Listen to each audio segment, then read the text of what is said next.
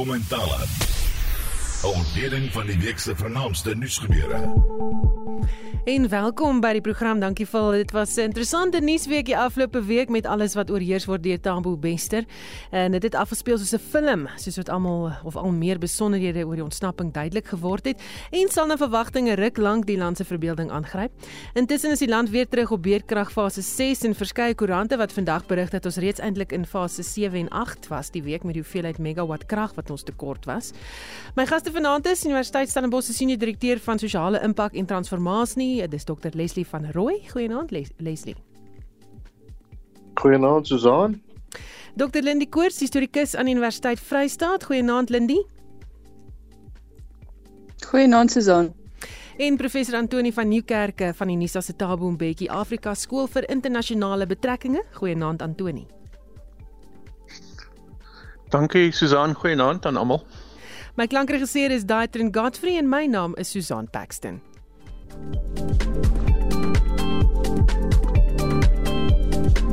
Jy luister na kommentaar elke Sondag aand tussen 8 en 9 op RSG. En dankie dat jy inskakel op hierdie Sondag aand en saam luister. Jy kan ook saam gesels as jy wil. Stuur vir ons 'n SMS na 45889. Onthou SMS se kos R1.50 as daar tyd is, dan uh, werk ek van daardie vrae ook in. Dit is altyd lekker om te sien ook wat jy dink daar by die huis en uh, dit gee ons idees en gedagtes om verder oor te gesels. Nou die afgelope week is die land uh, aangegryp deur die Tabo Bester storie. Dit speel af soos iets uit 'n film, soos gebeure duidelik word oor hoe Bester uit die tronk in Mangaung in Bloemfontein ontsnap het. Intussen loop gemoedere in die parlement hoog oor die gebeure en hoe dit moontlik is dat alle regeringsdepartemente tesame met G4S, die sekuriteitsmaatskappy wat die gevangenes bestuur, gebeure probeer verdoesel het. Nou ons het Vrydag in Spectrum met advokaat Linus Breitenberg, die DALP en lid van die parlementêre portefeulje komitee oor justisie en korrektiewe dienste gepraat oor gebeure by hierdie ondersoek. Nou dit was duidelik dat sy woedend is oor gebeure en oor hoe die onderskeie rolspelers hulle self probeer verontskuldig het en gekies het om inligting weg te steek. Kom ons luister gou na uittreksel. Of course, there are people who should be held accountable. G4S is accountable. The buck stops with them. They run the prison. Bester walked out of their prison. They can't even tell us how. So, yes, they must be held accountable. And many heads at that prison must roll. Many palms were greased. This wasn't a one man show. Lots of people helped him to escape inside and outside of the prison. A lot of money was spent, and there was a lot of access to a lot of information. Otherwise, this couldn't have worked. Mm. So, you know, we've I think we've scratched the surface of finding out what happened there, but we certainly haven't gotten to the bottom of it. But they are, you know, they started off by saying, well, they've suspended, you know, three people and fired one of the three. Well, they took a hell of a lot more than three people. Now they say no, they've suspended, looking at another ten. So now we're on thirteen already since two days ago. It's just the, the lackadaisical approach and the fact that nobody, not the Minister of Police, not the Minister of Justice, not G4S, nobody wants to shoulder the responsibility for the fact that A, this man lived the life of Riley inside prison. He walked out of there and nobody even knows how. And he lived like that for 10 months, living the high life. And nobody said a word. And they knew, they've, they've known for at least the last eight months that the chances are excellent that that body in that cell was not the body of Bester. They did nothing. They didn't try and find him. The investigation was uh, makes you know was at a glacial pace. And only since Ground Up started publishing this information and the public became outraged with it and recalled them to this inquiry, only since then have people started taking all the statements they brought there were dated two days ago. It's absolute nonsense. It's unforgivable. Mm. It's unforgivable. There was a serial rapist and murderer running around this country, and the two ministers in the security cluster chose chose because they didn't know chose not to warn the public and more importantly they chose they made a conscious choice to not warn the rape survivors to not give them any support and to not offer them any protection that is outrageous Nou ja, sterk woorde daar van advokaat Linus Breitenberg en ek dink almal het dit ook met 'n interessantheid of uh, aandag dopgehou terwyl sy aan die woord was daar in die parlement. Lindy, kom ons begin by jou, jou indrukke oor hierdie storie oor die algemeen. Kyk, ek dink dis dis tweeledig. Aan die een kant sal mense nou vra waarom was ons dan nou so gefassineerd daardeur want dat daar korrupsie in ons gevangenes is is hoegenaamd nie nuut nie. Dat dit maklik is om oor ons grense te glip is hoegenaamd nie nuut nie. Dat ons polisie nie behoorlik ondersoek instel nie en dat alles teen 'n slakkepas uh, beweeg is nie nuut nie, maar dit is 'n verhaal wat dit uh, wat die verbeelding aangegryp het en al hierdie komponente bymekaar gebring het. Uh, mense sou nou al weet mense wil nie lig daarvan maak nie, maar mense dink dadelik is dit tipe van 'n Bonnie en Clyde verhaal uh, wat dan nou die publiek se aandag aangryp. En ek ek kon nie anders as om te dink aan Susan Visser en Dirk Dirk Prinsloo klompie jaar gelede nie. Hmm. Ehm um, so daai komponent het, het, het dink ek die belangstelling in die eerste plek aangewakker. Maar wat dit dan doen is om al hierdie vraagstukke aan die groot klok te hang. Uh, en dit is waar ons dan nou werklik rede tot kommer het en ook dan soos wat advokaat Breitenberg daar gesê het wat dan nou van die verantwoordbaarheid in terme van die politieke owerhede en dan ook 'n privaat maatskappy wat hier betrokke is. Leslie, is dit genoeg vir die ministers van Justisie en Korrektiewe Dienste en byvoorbeeld die polisie minister om nou om verskoning te vra oor die gebeure? Nee, genaamd nie. Maar maar dit is ook waar hierdie fliek tipe verhaal sy begin het in die konteks van Suid-Afrika. Onthou ons het die die minister van Justisie op TV gesien om vir ons hartseer nuus te bring dat ons nie die uitlewering van die Guptas moontlik kon maak nie. En omtrent 'n dag daarna is hy toe weer op TV, hierdie keer om vir ons te sê hoe great die polisie is. Uh wat hulle reg gekry het, wat oorgrens gebeur het, uiteindelik wat hulle reg gekry het ook in 'n ander land deur samewerking en so. En net toe ons wil hoop kry dat daar tog lig aan die einde van daai tonnel is, besef ons omtrent 24 uur daarna uh dat dinge absoluut absurd is. Nou vind ons uit dat dit al maande aan die gang is uh dat inligting wederregtelik weerhou was, maar meer nog dat die voete sleep net eenvoudig nie ophou nie. Ons uh, ons het nou ook by ons het na uh, Glennis Breitenberg geluister, maar advokaat Edwin Cameron het ook vandag melding gemaak van die feit in die media onder andere vandag en vroeër die week dat die verrotting op 'n sistemiese manier ongekende aantekeninge of aantekens nou het en uh dat dit net nie blyk of ons in staat is om binne hierdie stelsel daadwerklik te kan optree nie. Soveel so dat hy as 'n soort oorsigbeampte geen ander opsie gesien het om na die media te gaan sodat hierdie saak aandag kan kry en gehoor te word nie. Dit maak almal van ons baie baie bekommerd Susan. Hmm. Antoni Bekkie Cele en sy topgenerale se antwoorde by die komitee het ook so effens my nekhare laat regop staan. Die een generaal um, wat toe nou antwoord oor 'n of op 'n vraag oor wanneer sy 'n e-pos al ontvang het oor die saak en wat presies daarin gebeur het en wat toe sê maar sy kry baie e-posse in 'n dag. So dit het maar deur die krake geglip. Ja, Susan, so ehm um, ek ek deel my kollegas se se sin vir van bekommernis oor die uh onvermoë van die staat, maar ook die politici, die uitvoerende gesag, uh die besluitnemers uh om hierdie saak uh sake, ons praat van meer as een saak eintlik, 'n beter te bestuur of selfs op te los.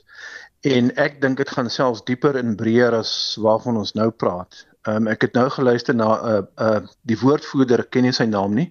Die woordvoerder van korrektiewe dienste wat sê daar's omtrent 160 000 gevangenes in die tronke en ons is 40% oorbevolk sê hy. Ons kan eintlik ons werk reg doen nie. Ehm um, 160 000. En uh uh Glenys Bruitenberg sê baie van die mense hoor dalk nie in die tronk te wees nie. Dis vir verhoor afwagtendes en so aan en so meer. Ehm um, hier's 'n groter probleem wat ek dink besig is om uit te speel en baie van ons het al geskryf en gepraat hieroor Susan ook met jou en hmm. met die media en dit is die onvermoë van die sekuriteitsgroepering cluster uh groepering uh om om nasionale bedreigings uh reg te verstaan en aan te spreek en en hooplik op te los. En dit sluit nou in, jy weet, ehm um, nie net uh korrektiewe dienste op, op op hierdie geval nie, maar polisie hoofsaaklik misdaad teeninligting uh maar ook in die die intelligensiedienste en ook die weermag uh en justisie en en binnelandse sake ek kan dit ook nie buite buite rekening laat nie. So met ander woorde en die parlement die rol van van die oorsigkomitees en so aan. Met ander woorde hier's 'n strukturele probleem wat ons land aan betref en een Cameron dink ek is die ou wat met met uh uh uh met uh wat baie diep praat oor hieroor en dit is uh die grootste probleem buite armoede wat ons in die wat ons in die oë staar is kriminaliteit gewelddadige kriminele uh bende aktiwiteite en misdaad wat ons in die oë staar. En dit is die grootste nasionale sekuriteitsfaktor wat ons regering moet aanspreek. En is nou baie duidelik op 'n manier moet ek sê 'n mens kan seker 'n bitter glimlag gee as jy sien hoe die beste saak hanteer word want dit dit is 'n dis 'n gevalle studie van hoe alles verkeerd loop vir die staat, die staatsdiens en die politici. En en hier sien 'n mens nou jy hoef nie te spekuleer oor hulle onvermoë nie. Dit word nou vir ons gewys en dit wys vir ons hoe groot die uitdaging is. Jy weet dit lê nie net by een politikus om die probleem op te los nie. Kom ons vervang vir Celle kom ons vervang vir Lamolla. Kom ons sê hulle moet meer doen as, as om verskoning te vra. Ons het 'n strukturele en 'n sistemiese probleem wat baie diep hardloop en ek weet nie hoe ons dit gaan oplos nie. Hmm. Lindy, uh, dit wil voorkom of daar twee gevangenes hier in Suid-Afrika is wat deur privaat maatskappye bestuur word, maar as ons kyk na ander lande, wat is die gevare daaraan as ons so iets doen? Ja kyk, die FSA is eintlik 'n baie goeie uh, gevalle studie van wanneer uh, gevangenes geprivatiseer word. Uh, as mens ook daaraan dink hoe enorm is die FSA se uh, uh, uh, gevangene uh, bevolking. En wat daar daar's reeds vergrype wat daaraan die, aan die lig gekom het. Want wanneer dit privaat maatskappye is nommer 1 hulle probeer nie om hierdie gevangenes te rehabiliteer nie. Dit is nie in hulle belang nie. Maar daar word daar's ander gevalle waar hulle vind dat binne daardie tronke word jy weet omdat dit oor 'n winsbejag gaan probeer hulle die kostes binne die tronke so laag as moontlik hou. So alles van die uh, voedsel tot die mediese dienste tot die fasiliteite vir daardie gevangenes raak mettertyd minderwaardig. Die bewaarders word natuurlik ongelooflik swak betaal wat die deur open vir gevalle soos hierdie. Hierdie is 'n klassieke geval van bewaarders wat nou natuurlik omgekoop word. So die dit is 'n probleem in terme van die die samelewing se verantwoordelikheid teenoor sy gevangenes. Al is ons nou nie baie, weet al is dit 'n gevangene bevolking en soos jy sê vele mense moenie eers daar wees nie. Ons het nog steeds as 'n samelewing 'n verantwoordelikheid teenoor hulle. En sal 'n maatskappy met winsbejag dit werklik ten volle nakom en wat dan nou van ehm um, verantwoordbaarheid soos wat hierdie geval is. Soos ek sê, die FSA se stelsel is beslis nie 'n stelsel wat ons wil naboots nie en dit lyk of dit hierdie geval is. En ironies genoeg, ek bedoel G4S is nie nuut wat skandale betref nie. Uh ek assosieer hulle nog steeds met die brouery rondom die Londense Olimpiese spele in 2012. So hulle het 'n lang geskiedenis um van eier op die gesig en hierso dan nou soveel te meer. Hmm. Goed, dis duidelik in die parlementêre verhoor dat die lede daar baie harde vrae gehad het vir G4S en nie lus was vir nonsens nie, maar mense sien nie hierdie tipe harde aggressiewe ondervraging van staatsentiteite gewoonlik nie, Leslie. Nee, glad nie. En dit is deel van die probleem. Kyk, mense moet miskien ook sê dat die die tronk waarin ehm um, Tabo Bester was, die Gossi Mampuru tronk, een van toe dit gebou is ten minste een van die land se beste sekuriteits tronke of een van die beste strukture was uh vir vir hoofvlak gevangenes. En die idee juist destyds was om te sê dat Suid-Afrika 'n ander benadering ingaan uh oor hoe ons tronke lyk, uh hoe maksimum sekuriteit lyk, hoe ons ons tronke verdeel, hoe dit bestuur moet word, hoe oorsigkomitees lyk, hoe rehabilitasie lyk. Dit was 'n hele nuwe model. Ek kan nie ironie nie mis dat dit juis in hierdie tronk gebeur het nie. Daar was destyds vrae kan ek onthou oor G4S se betrokkeheid by die tronk. Hoe is dit dat ons uh wat sekuriteit ten minste in en om die fasiliteit betref meer en meer na privatisering gaan. Dit was toe bespreek as 'n soort uh nuwe model wat saam hardloop met die moontlikhede uh van van 'n rehabilitasiesentrum of vir die rehabilitasie idee ten minste wat ons tronke betref. Maar uh Lindy is heeltemal reg. Ek ek dink daai diskrepansie in verstaan, in kultuur, in aard en so, juis soos dit in die FSA uitspeel, kan mens nie mis nie. Nou probeer ons uh 'n maatskappy nader wat ek dink aan die een kant reg antwoord moet gee oor hulle rol en dit is so G4S is nie onbekend aan Suid-Afrikaners nie. Uh ook op ons kampusse uh is hulle uh, was hulle of is hulle heel gereeld uh, betrokke. Maar nou probeer ons antwoorde kry van 'n maatskappy wat uiteindelik sal sê wel eintlik skat ek hier is 'n stelsel uh, wat bestuur word. Hierdie stelsel uh moet ek onderhou. Ek doen dit op hierdie manier. Daar's ander ander rolspelers hier betrokke. Ehm um, ek kan maar net dink dat dit 'n fiasco sal wees uh oor oor ehm um, wie verantwoordelik is vir wat. Maar dit is die publiek se instelling. Dit is iets wat uh in ons bestuur moet word. Ons het bepaalde doelwitte met ons fasiliteite, ook ons tronke.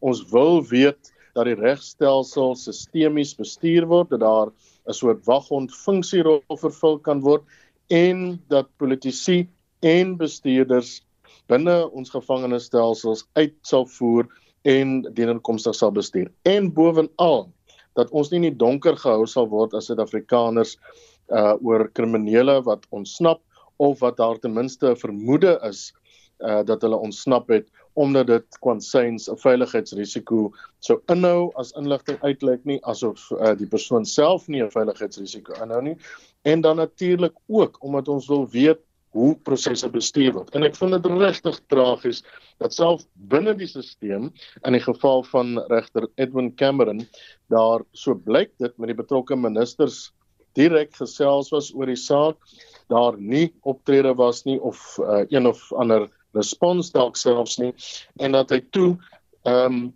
direk na die media moes gaan om die storie meer bekend te maak sodat dit aansienlik meer aandag kan lok.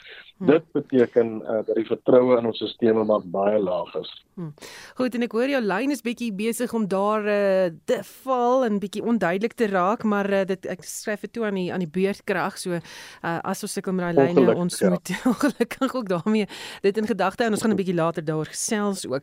Maar intussen Antoni terwyl almal hierdie saak dophou glip die Gupta broers ongesiens reeds in Februarie uit die Verenigde Arabiese Emirate of word hulle toe net daar vrygelaat. Dit nadat dit aan die lig gekom het dat die staat se aansoek om die broers Atul en Rajesh aan Suid-Afrika te laat uitlewer nie geslaagd was nie, want die regte dokumentasie is glo nie ingehandig nie. Dit het reeds die 13de Februarie gebeur. Nou Ronald Lamola sê hulle het gesukkel om inligting uit die Emirate te kry. Die Emirate sê weer maar hulle het hulle eweknie in Suid-Afrika heeltyd op hoogte gehou. Toevallig of het iemand net nie sy werk gedoen nie? Ja, Susan, ja, ek hoop my lyn hou terwyl ek praat. Ehm um, ek wil net voor ek oor die Gupta's praat sê uh, ek stem saam met Leslie. Ehm um, uh, ek wil net 'n verdere perspektief gee en ek sal dit kort hou. Ons moet nie nou die afleiding maak dat elke uh, beampte werk wat werk in korrektiewe dienste hom of haarself skuldig maak aan korrupsie en en en wan wan bestuur nie.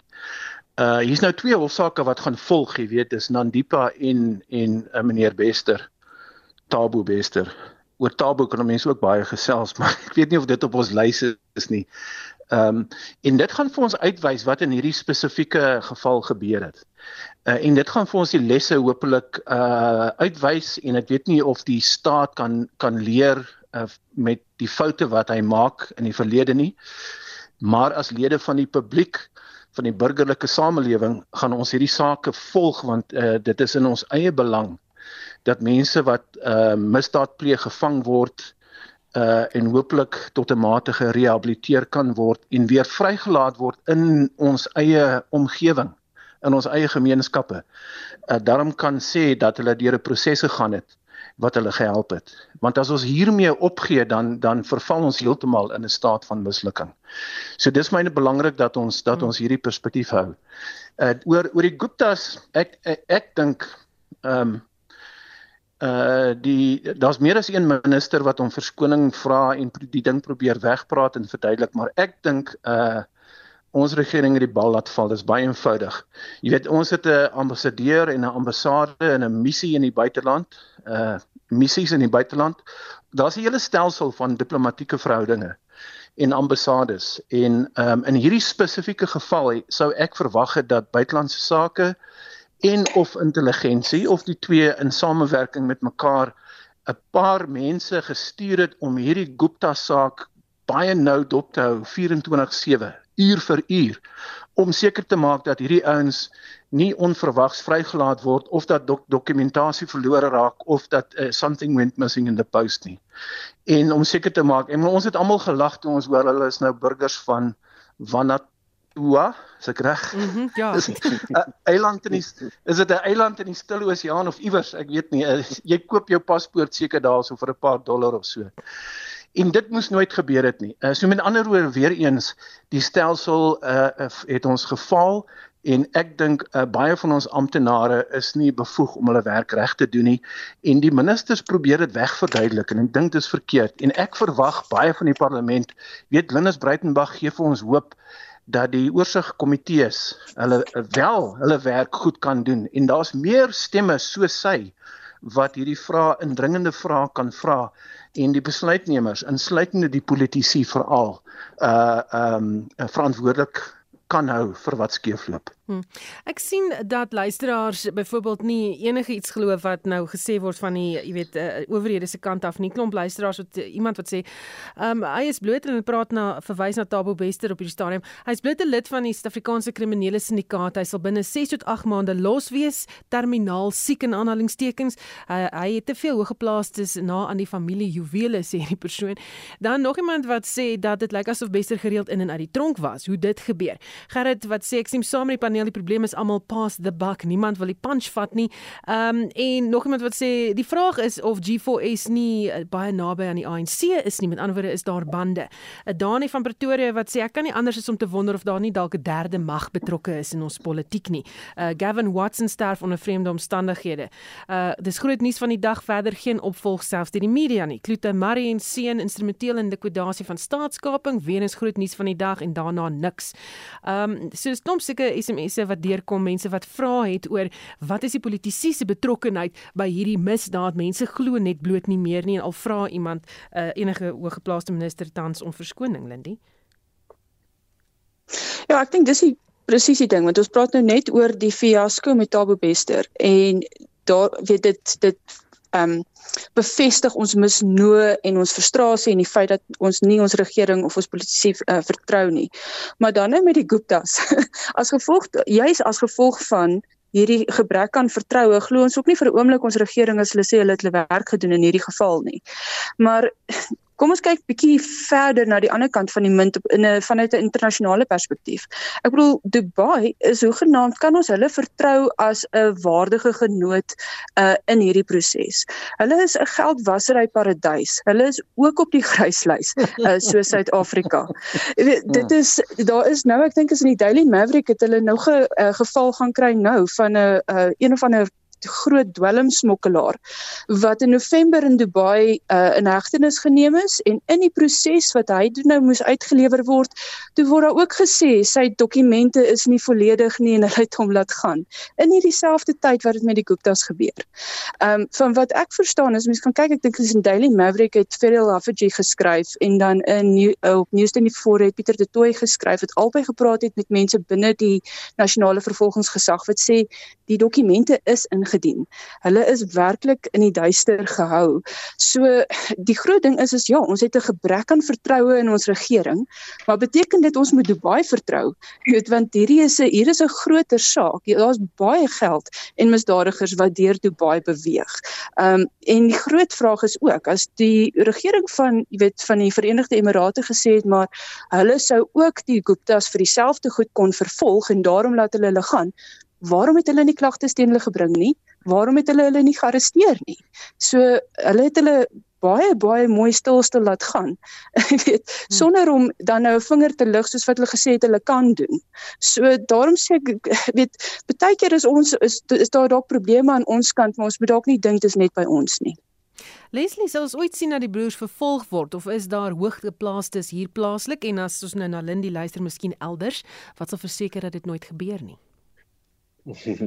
ek het vandag eers, ek kan nou nie nou waar ek dit gesien het nie, maar iemand het kommentaar gelewer op die foto van Tabo Bester en gesê elke keer as mense 'n foto van Tabo Bester sien dan lyk hy anders.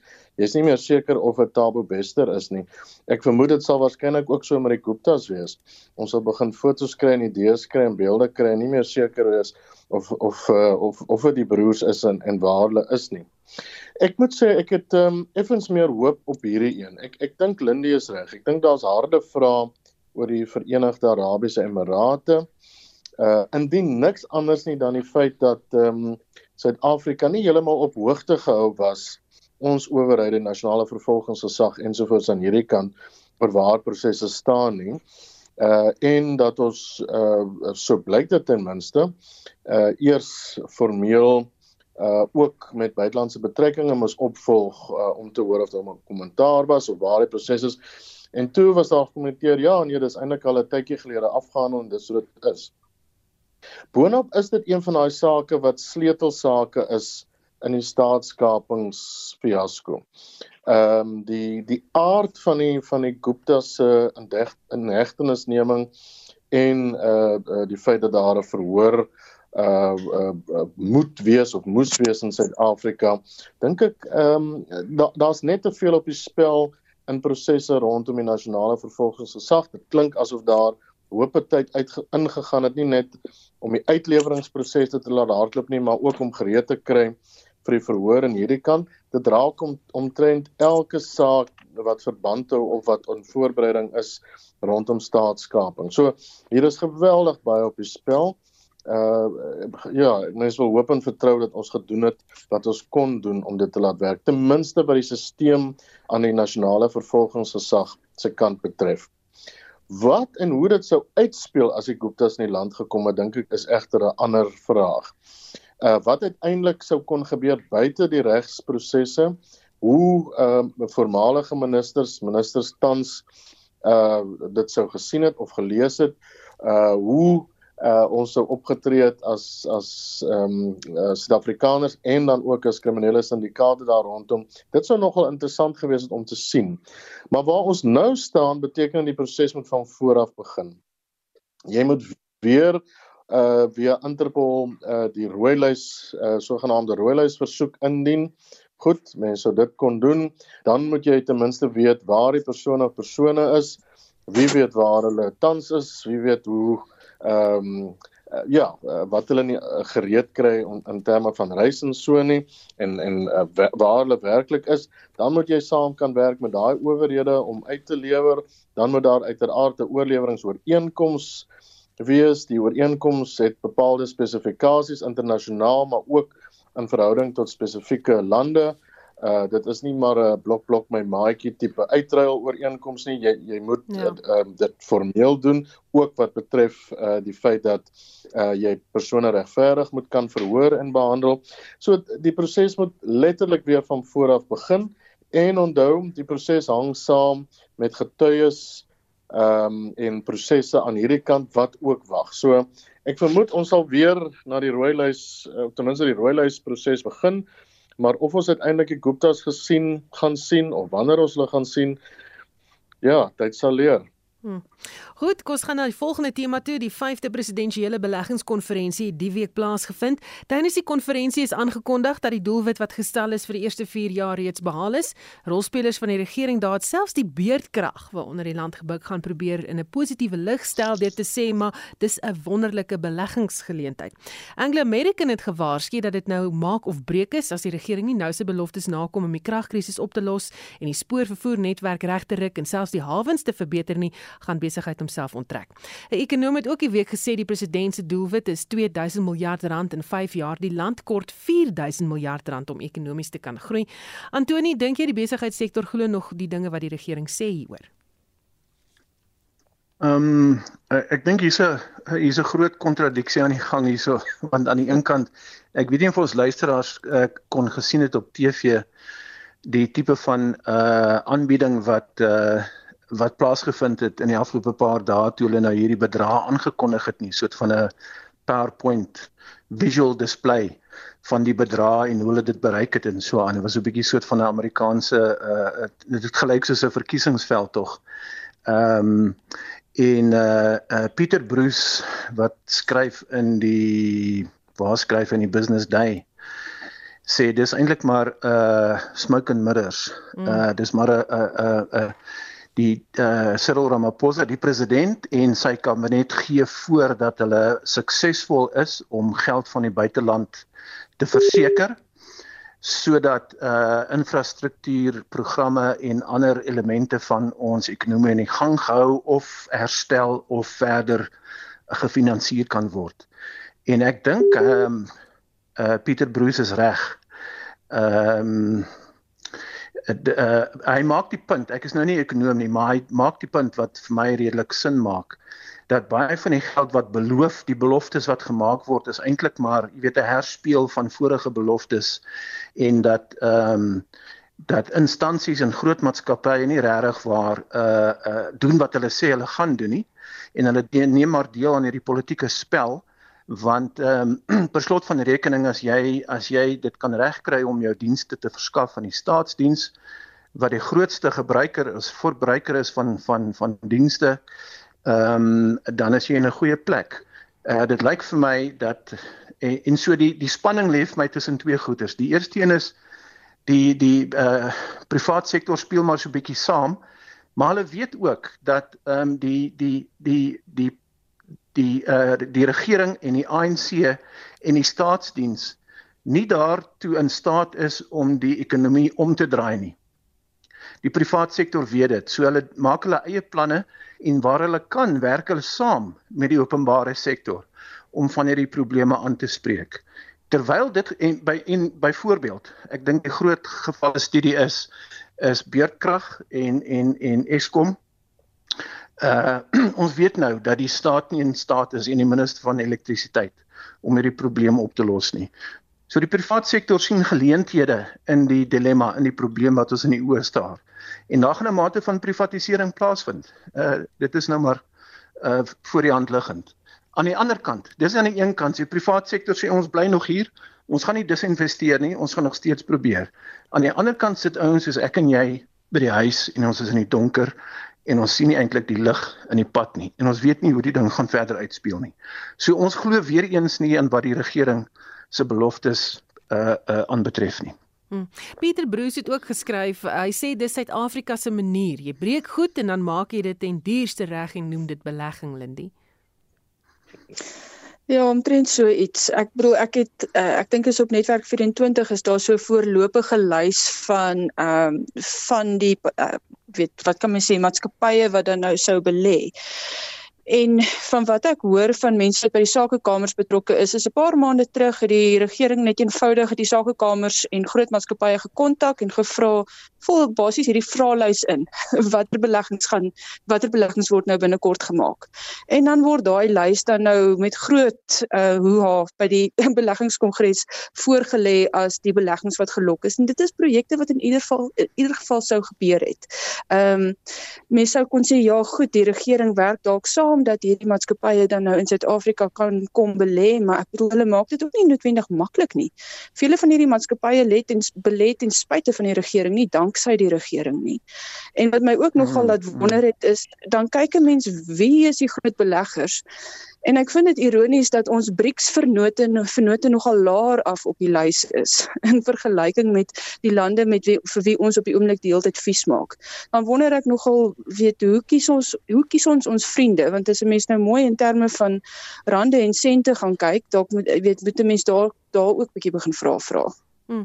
Interessant genoeg, um, en ek was daar by die beleggingskonferensie, is die stemme wat krities kan wees, uh, AgriSA wat die landbousektor min of meer of TLESA hulle hulle kan verteenwoordig, ekonome wat na die rand en sent sou kyk uh, en so meer was net nie daar nie. Um die president sê privaat maatskappye gaan nou byvoorbeeld gedeeltes van die spoorlyne hier en bestuur en in stand hou sodat die netwerk weer herstel kan word. Daar's baie daaroor gepraat en dit is 'n groot probleem. Maar erken hy dan nie eintlik Leslie in soveel woorde dat die staat staatsdiens nie werk soos hy nou in mekaar gesit is nie en nou moet die privaat sektor inkom en red wat te redde is. Ja, ongetwyfeld. Ek dink hy doen dit op elke moontlike platform wat hy kan. Kyk as mens sulke getalle sien dan dink ek altyd wat jy nie kan tel nie en wat nie jy kan sien nie is waarskynlik nie waar nie. Ek dink altyd as jy sulke getalle sien in hierdie vormpies wat jy invul as jy oor see reis of jy vra hoeveel geld gaan jy nou spandeer? Nee, jy het geen idee hoeveel geld jy spandeer. Jy vul nou maar 'n bedrag in en, en en dan gaan jy aan en dis omtrent die kwantifisering van daai bedrag. Maar hier is iets anders aan die gang. Die privaat sektor het miskien moet mense eers die beginsel vra vra. Is hier beleggingsmoontlikhede in Suid-Afrika sonder enige twyfel? Wil privaat maatskappye, veral plaaslike maatskappye in Suid-Afrika investeer? Ja, hier is geleenthede. Maak die staat dit moeilik?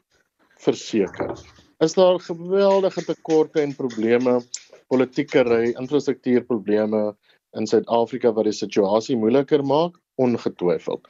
Maar nou is hierdie oor die afgelope 2-3 jaar groot vrae vanuit die privaat sektor aan die staat.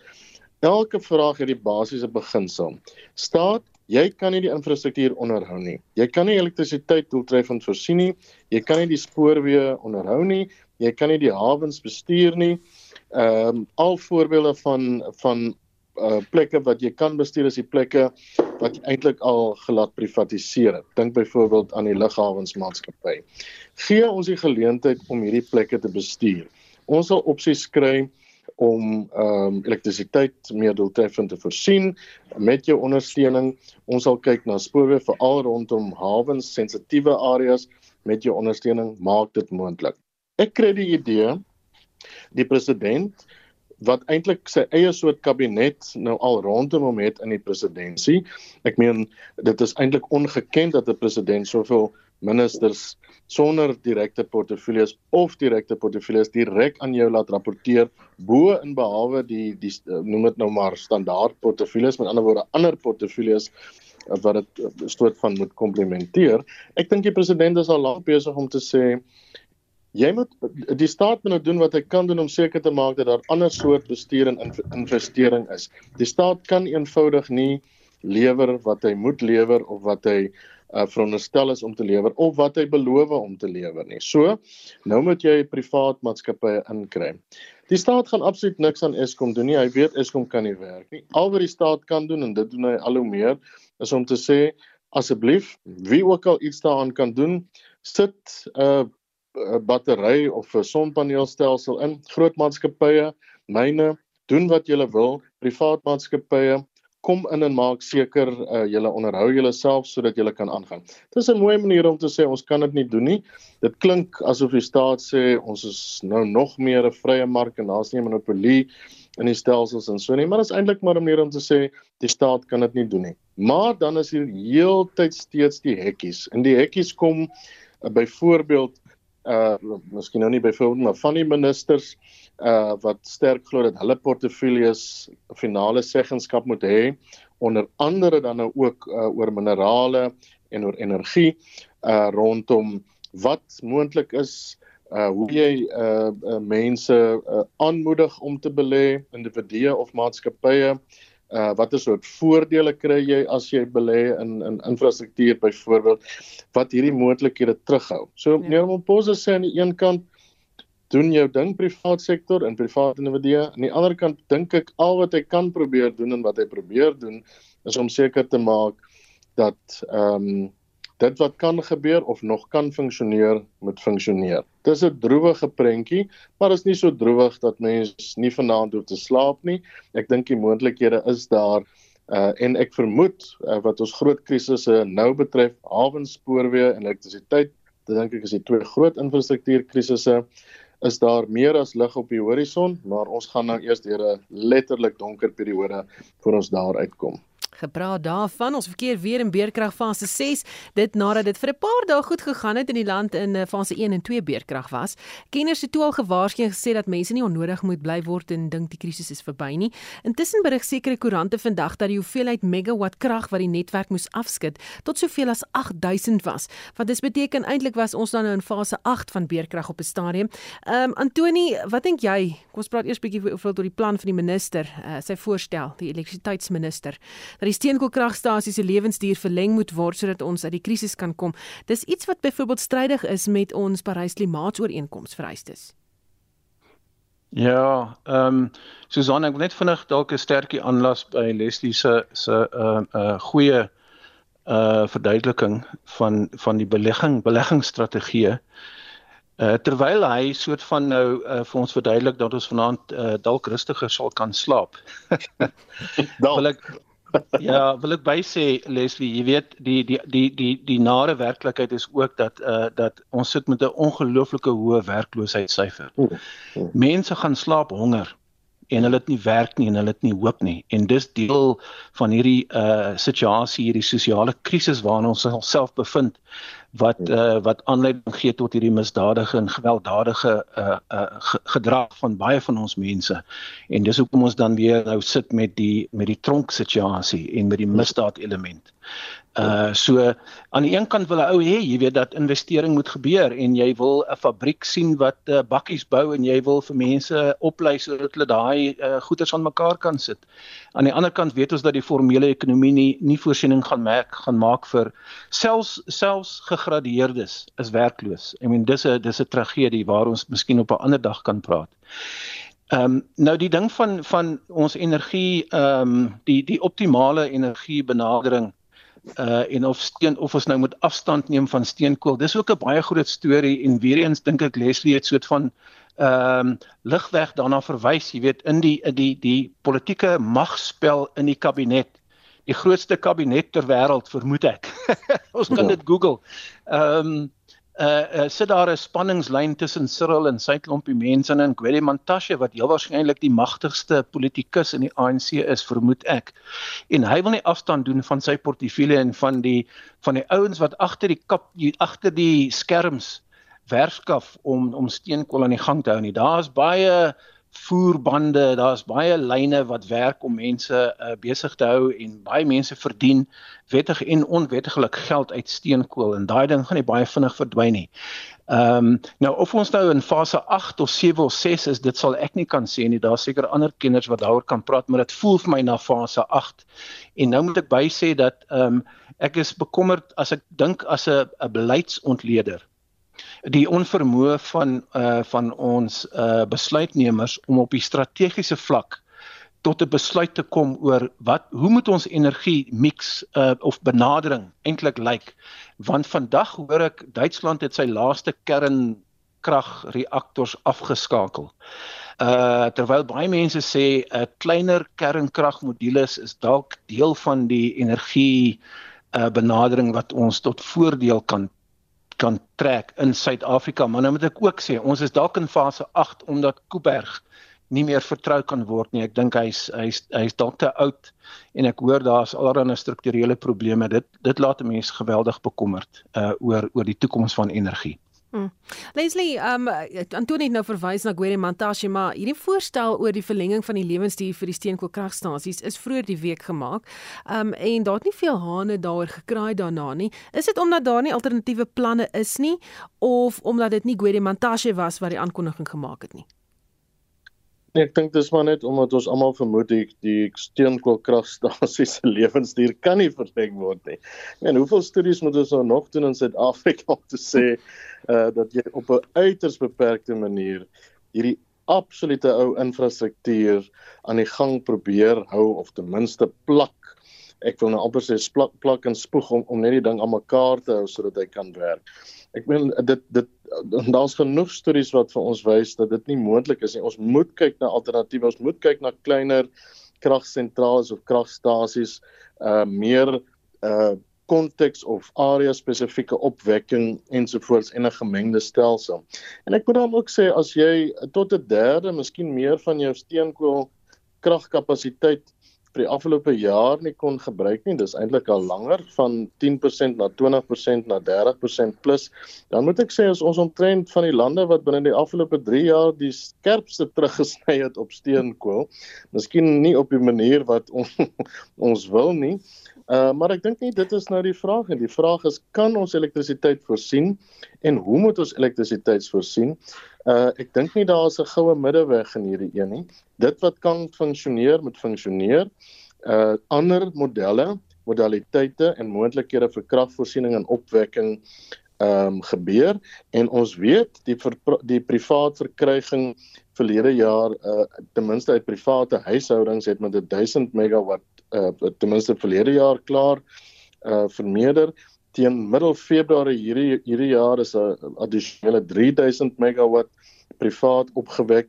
Daar's soveel ander moontlikhede vir vir privaat opwekking. Die vraag is egter het ons uh, belê in die infrastruktuur. Jy kan nie dat kragpale sommer maar net of val of nie beskerm word of nie behoorlik in stand gehou word nie en kan dit wat ons opwek byvoorbeeld op die dak van jou huis wat jy nooit alles op dieselfde tyd kan gebruik nie kan dit uh, teruggevoer word in 'n soort stelsel waar krag gestoor kan word of waar krag gedeel kan word. Daar is waar die moeite moet ingaan, nie of 'n 60 jare oue kragsentrale wat lankal sy einde moes bereik het op grond van waarvoor hy ontwikkel was nog aan die lewe gehou kan word nie. Hy kan nie aan die lewe gehou word nie. Daar is hmm. meer as genoeg studies wat dit sê. Daar is nuus, daar is anders. Hulle het nog nie een van die nuus wat die afgelope 5 jaar gebou het kan op maksimum kapasiteit funksioneer nie weens uh strukturele probleme ook omdat daar uh nie net swak vakmanskap was nie maar omdat hierdie ehm um, kragvoorsieners hierdie kragsentrale oorgebruik word en gevaarlik oorgebruik word om ja. om marges uh moontlik te maak. Dis 'n bizarre situasie, maar een ding is duidelik en en die staat is ten minste ook al hoe meer duidelik daaroor. Wat Eskom was, kan nie gered word nie. Ons moet na alternatiewe kyk. Hm. Nou, Lindy, daar val toe nou sewe kragmaste. Leslie daarna verwys verlede Sondag in Dompo Pretoria aan die donkerte. Die burgemeester sal hier brink is versigtig om te sê dit was vandalisme en wag nog vir 'n verslag oor wanneer laas die maste gediens is. En die dag daarna, toe val daar nog kragmaste in Hammanskraal. Dit het ook so stil stil gebeur. Ons het eers gister daarvan gehoor, maar dit is ook glo vandalisme. So waar trek ons in die land dat eh, die mense, die publiek kragmaste se staal begin afsteel? Niemand kom dit agter nie. Niemand hou 'n oog op hierdie maste nie nie want tegnies dink ek nou nie jy weet jy verwag iemand gaan kragmasse staal begin steel nie. Wat sê dit oor die siege van die land Ja, dit is werklik skrikwekkend. Ek het ek het nog gekyk en gedink dit voel omtrent mens weet nou nie, is dit sabotasie of is dit bloot vandalisme? Ehm um, ek voel daar word reeds gepraat van hoe die substasies tydens beurtkrag deurloop onder vandaliste en weet diegene wat dan nou juis uh kom kom steel ter wille van die van die van die staal of dan koper of wat ook al. En dit voel omtrent asof ons landwyd nie net wat ons elektrisiteitsnetwerk betref nie, maar sommer ons infrastruktuur in, in 'n geheel is asof daar 'n gorilla oorlog teen ons infrastruktuur gevoer word. Ehm um, weet, is dit dan nou krimineel, is dit sabotasie, dit mag dalk albei wees, maar dit doen werklik nie baie vir ons siges vir ons siege nie. Ek wil ook byvoeg uh na wat Antonie en Leslie gesê het net in terme van ons kragnetwerk. Daar is reeds soveel private belegging um, in ons land om hernubare energie op te wek. Die Noord-Kaap is vol sonplase. Daar is windturbines, um, daar word hierdie stasies word gebou. Dis reeds aan die gebeur. Die groot probleem is hoe kry ons hierdie krag in die netwerk? Want dit is wat al die voorsieners dan nou of die nuwe um, beleggers dan nou sê.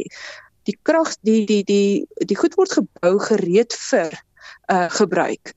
Maar daar is geen belegging in ons infrastruktuur om hierdie nuwe krag in die stelsel in te bring nie. En is duiselingwekkende bedrae waarvan ons praat om die infrastruktuur dan so te herbou om hierdie nuwe krag toe te voeg. En ons sien hoe genaamd nie dat Eskom enigsins in infrastruktuur op die oomblik belê nie. Buiten dan nou om hierdie ou kragstasies aan die gang te probeer hou of dan nou om hierdie pale te moet gaan regmaak wat nou die een na die ander in uh, in duie stort. Hmm. Goed, kom ons gaan na internasionale nuus toe want ek sien ons tyd haal ons nou vinnig in. Amerika was die hele week in die nuus en nie die keer oor enige iets wat Donald Trump gedoen het nie, maar oor 'n groot inligtingslikasie, soortgelyk aan WikiLeaks destyds. Die 21-jarige Jack Teixeira wat vir die Massachusetts of Massachusetts Air National Guards intelligensievleuel gewerk het, is aangekla nadat hy glo die dokumente geplaas het op sosiale media en uh, dit toe lek lek toe nou uit na die wyer web toe. Nou BBC trek die vergelyking dat die tipe inligtingslikasies gewoonlik plaasvind plaasvind tydens oorloë soos wat tans die geval is in Oekraïne, Antoni?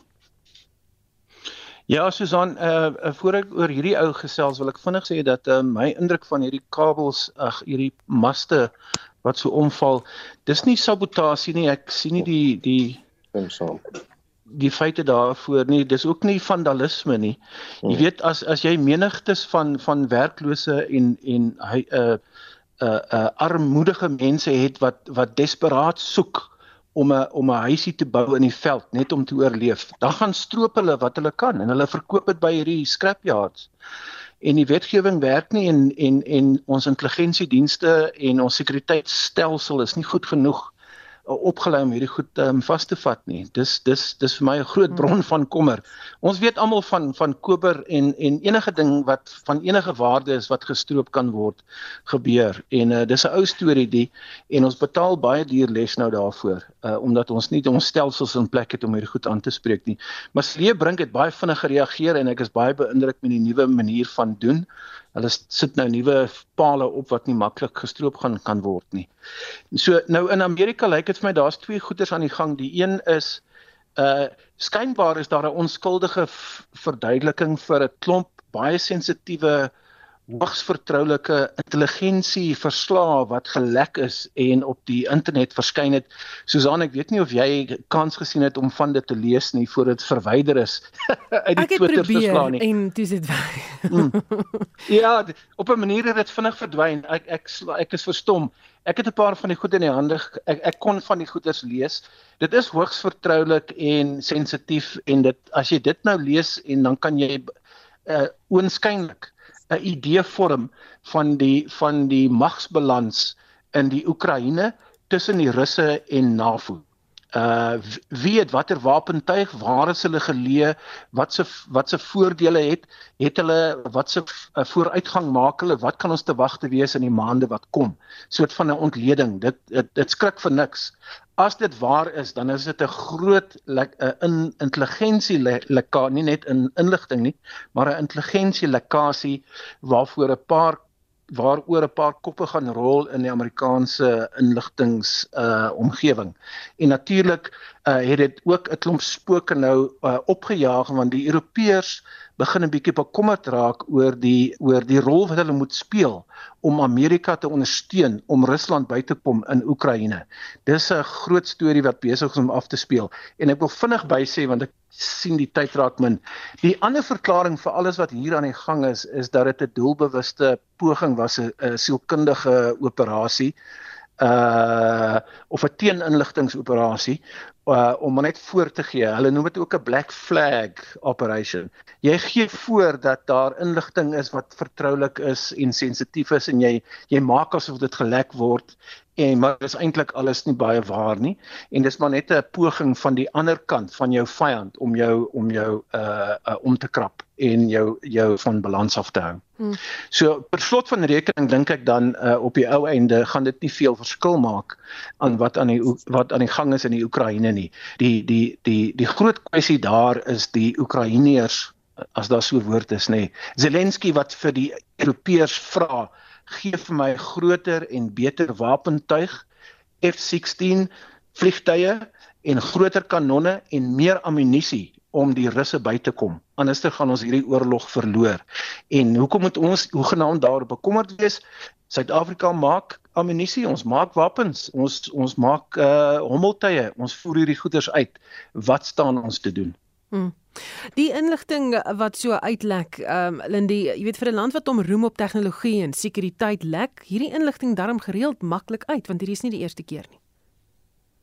Ja, dit is skrikwekkend en as 'n mens nou gaan lees daaroor dan sien mense dis eintlik ook skrikwekkend hoeveel mense het eintlik toegang tot hierdie inligting. So dit is word alles natuurlik nou op vertroue gebou.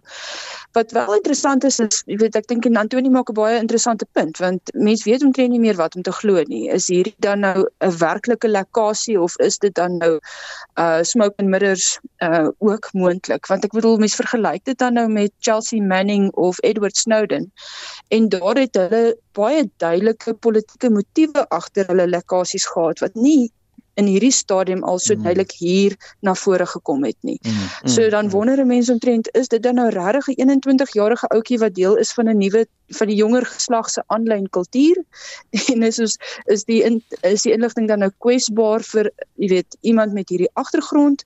Ehm um, Ja, of is dit of gaan weet selfs die russe was nie eers heeltemal met tye seker of hulle dit goed kan glo uh, mm. wat hier uitkom nie. Hmm. hmm. Leslie, jy het uh, die laaste woord dink ek vanaand, maar die inligting hou verband met hoe die FSA op onderlande spioneer. Wat is die diplomatieke implikasies hiervan vir die FSA? Ja, ek dink dis ehm um, ek kon nie een kant sê groot, maar aan die ander kant dink ek meer die meeste lande die FSA spioneer daar waar hy dink uh, dit nodig is waar hy dink as land sy soewereiniteit bevraagteken word.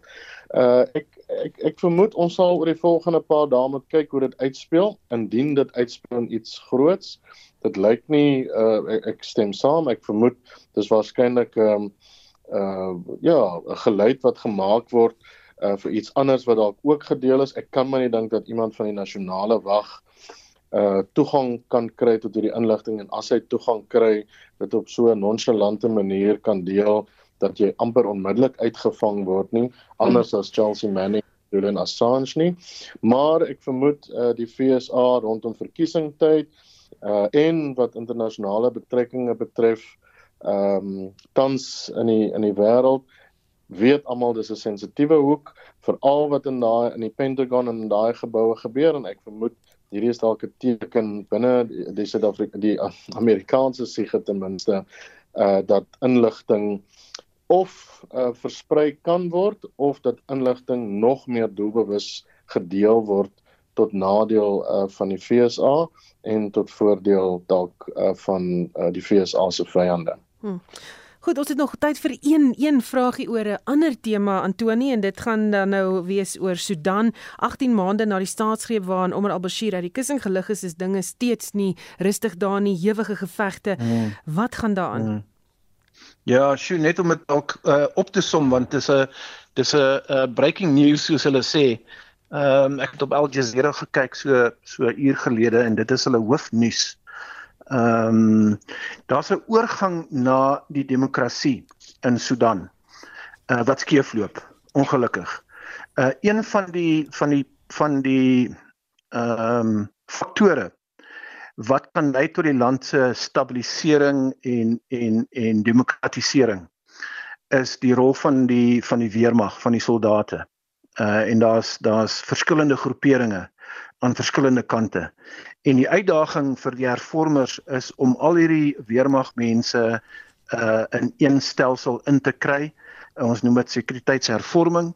Ehm um, sodat hulle onder ehm um, burgerlike oorsig en die nuwe parlement en die verkose president kan dien en dis wat nie gebeur nie. Uh daar's soveel wapens en daar's soveel weermag uh, elemente en daar's soveel uh misdaad elemente wat uh wat van die situasie gebruik maak tot hulle eie voordeel en wat hulle misdade in die verlede wil beskerm of toesmeer dat die dat die dat die dat die land gewoon onstabiel bly. En ek moet vir jou sê as ek kyk na wat op die oomblik aan die gang is die afgelope paar ure selfs dan kan ek nie dink dat Sudan hierdie oorgang na die demokrasie maklik gaan gaan regkry nie. Ongelukkig. Baie dankie. Net so vinnig daaroor gesels. Dis ook 'n storie wat ons gaan dophou. Monitor môreoggend tussen 6 en 7 sien ek gaan ook kyk na wat die jongste is daar. Dit was dan kommentaar vanaand. Die gaste was Universiteit Stellenbosch se senior direkteur van sosiale impak en transformasie, Leslie van Rooi, Dr. Lindie Koors, historikus aan Universiteit van die Vrystaat en professor Antoni van Nieuwkerk van die Nisa se Tabo en Bekkie Afrika Skool vir Internasionale Betrekkinge. Dankie dat jy saamgesels het al die boodskappe wat ingekom het. My klankregisseur vanaand is Daitrin Godfrey en my naam is Susan Paxton. Geniet die res van jou aand.